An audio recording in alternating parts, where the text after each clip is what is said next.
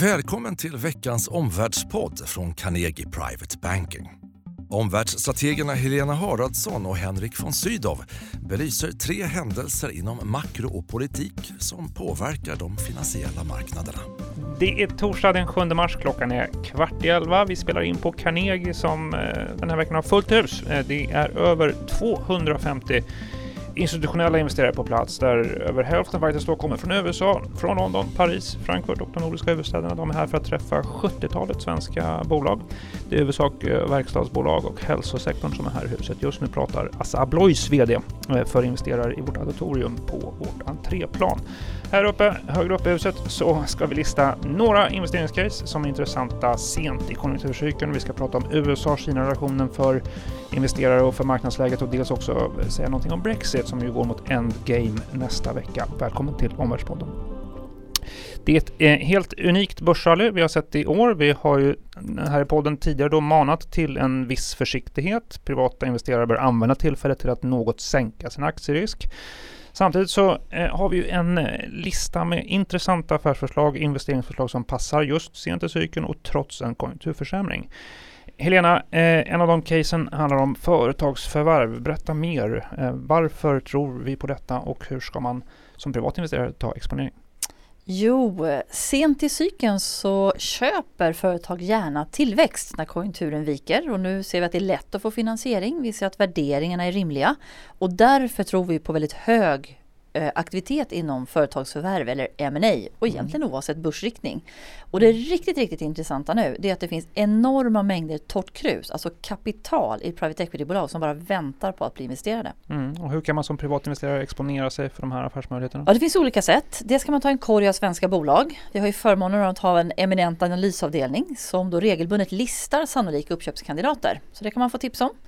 Vill man ha med global exponering då kan man titta på något som heter merger arbitragefonder. Det är specialfonder då som tar position i budsituationer. Vi ser ofta stora megadeals även internationellt nu. Mm. Och de här fonderna har då över tid visat sig ha en ganska stadig och positiv avkastning. Mm. Intressant. Ett annat eh, tema som också passar den här delen av konjunkturcykeln är ju det är lite mer specialiserat. Det kallas för trade finance. Yeah. Eh, vad är det och hur passar det in i en portfölj? Ja, på svenska säger vi handelsfinansiering. Eh, och det är en nygammal affärsidé men det intressanta är att ny bankreglering gör att banker drar sig undan en del segment och då kan specialfonder kliva in och låna ut pengar. Ofta handlar det här om att eh, hjälpa till med fraktfinansiering då bland annat till råvaruproducenter. Ofta mm. små och mellanstora bolag i tillväxtmarknader. Eh, och då lånar man ut pengar till dem, tiden mellan exportör och importör och kan i avkastning få kanske 3-4% per år i svenska kronor. Mm. Och det här kan ju låta lite exotiskt då, tillväxtmarknader, små och medelstora bolag, men fonderna har ju säkerhet i varan. Mm. Så vi tycker faktiskt att de här typerna av fonder passar i de lite tryggare delarna av portföljen. Just det. Fraktfinansiering då, mm. finansiera detta. Eh, hur, hur, gör man för att um, investera i detta? Ja, de flesta av de här fonderna är ju då bara tillgängliga för institutionella, professionella investerare. Men det är ju vi på Carnegie Private Banking. Så via våra portföljer så kan ju det här affärsidén då komma våra kunder till godo. Vi gör ju lite jobbet åt privata investerare kan man säga. Vi screenar fonder, vi väljer dem och då har vi framförallt kontakt med förvaltarna för att hitta de bästa fonderna. Mm. Vi har pratat tidigare också om det här med vinst och konjunkturoron. Mm. Ehm, eh, naturligtvis givet detta, även givet detta så finns det ju förutsättningar med aktieinvesteringar. Ja. Vad skulle du lista särskilt?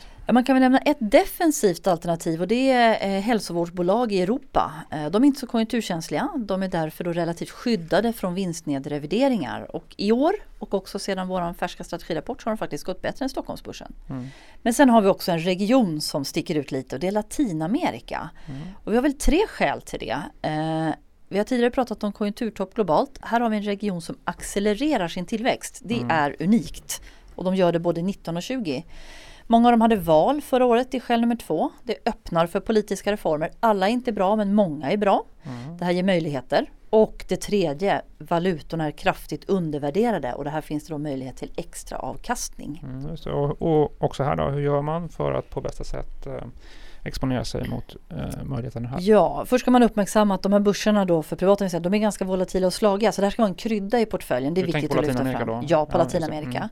Men absolut en aktiv fond. Och vi har hittat en bra, vi rekommenderar en fond som undviker statliga bolag, då slipper man korruptionsrisk. Men också en fond som undviker råvarusektorn, för där finns det ibland lite knepiga etiska och miljöaspekter. Så då får man mer konsumtion, tjänster och finansbolag. Det tycker vi är intressant. Mm. Och den korta slutsatsen då om man ska prata om de här affärsförslagen sent i cykeln det är att det finns fler affärsmöjligheter trots dystrare konjunktur. Och som ni alla vet, vi bistår ju gärna med råd kring detta då mot privata investerare. Tack Helena. Ja, fråga två Henrik. Eh, I veckan som gått har vi fått positiva signaler. Det är till och med tal om islossning i handelssamtalen mellan USA och Kina.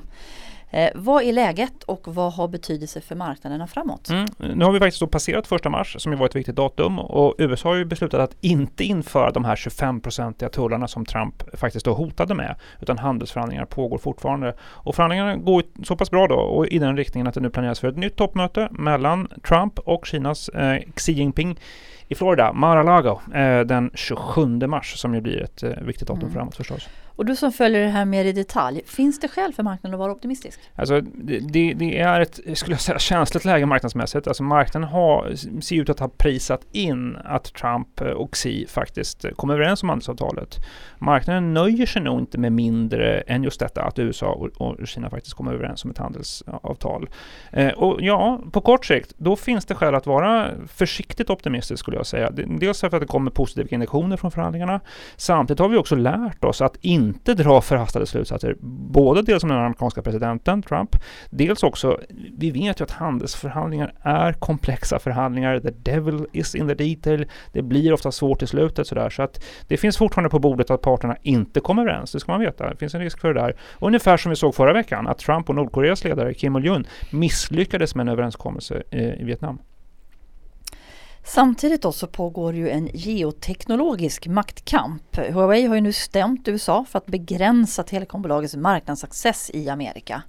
Har du lite kommentarer kring det Ja, här? det är väl ett uttryck för att vi är ett, mitt i ett teknologiskt kallt krig. Eh, och i, I den här miljön så blir det ju svårare då för techsektorn och eh, telekomsektorn och ja, till exempel svenska Ericsson. Det, det kan bli svårt med underleverantörer, det kan bli svårt att sluta stora avtal med den här osäkerheten som föds just, om, just omkring detta. Så det är ett uttryck för det. Eh, man kan väl säga så här, just Huawei-fallet har inte haft, eller haft en begränsad effekt på handelsförhandlingarna. Båda USA och Kina ser ut att vilja separera de här händelserna. Det vittnar väl dels om att båda parter kanske faktiskt då har intressen att komma överens om handelsfrågan. Eh, och att det också är lättare att göra det när det handlar om livsmedel, eh, sojabönor och lite enklare eh, im- import och export av, av, av varor. Ehm, jag, jag tror så här, det här är väl också ett uttryck för att det är ett kvitto på att så att säga eh, handelsavtalet som sådant, de som tror på att ett handelsavtal mellan USA och Kina ska leda till en så att säga, global handelspolitisk avspänning tror jag hoppas på för mycket. Vi är absolut i en miljö där globalisering ersätts med geopolitik, det ersätts med geoekonomi och geoteknologi. Ehm, så att eh, konflikterna kommer flyttas runt. dels in i WTO, dels i den här nya tech- tech-konflikten. Eh, så att ehm, det är den miljön eh, som vi, Mm. vi har framför oss. Och på temat då handelspolitisk avskrämning, om det nu blir lugnare, bättre relationer mellan USA och Kina, hur ser relationerna USA-Europa ut och risken för biltullar? Ja, Elena, de mörka molnen är ju dessvärre kvar då, får jag ändå säga. Alltså, jag försöker vara optimistisk, men det, så, så är det ju. Alltså, dels finns ett hot om biltullar. Dels är det ju fortsatta tullar på stål och aluminium mellan USA och Europa.